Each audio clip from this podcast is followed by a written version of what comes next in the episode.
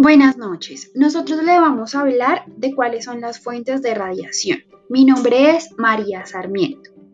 Las fuentes de radiación, estamos pues los seres humanos expuestos todo el tiempo a la radiación natural como a la, a la radiación artificial.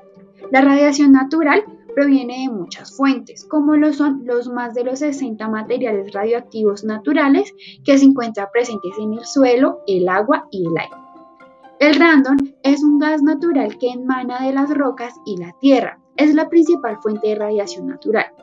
Diariamente inhalamos e, e ingerimos radionuclidos presentes en el aire o los alimentos e incluso en el agua.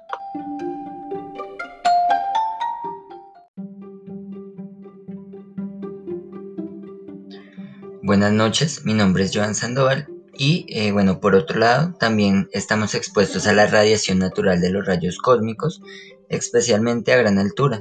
Eh, por término medio, el 80% de las dosis anuales de radiación de fondo que recibe una persona procede de fuentes de radiación naturales, terrestres y cósmicas.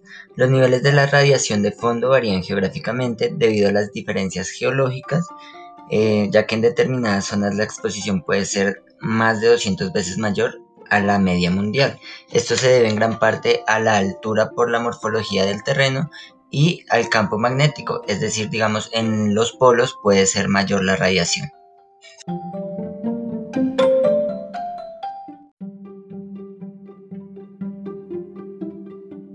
Buenas noches, mi nombre es Diego Alejandro Espinosa Torres. Por otro lado, la exposición humana a la radiación proviene también de fuentes artificiales, las cuales se ven desde la generación de la energía nuclear hasta el uso médico en la, radiación para fines diagnósticos o terapéuticos.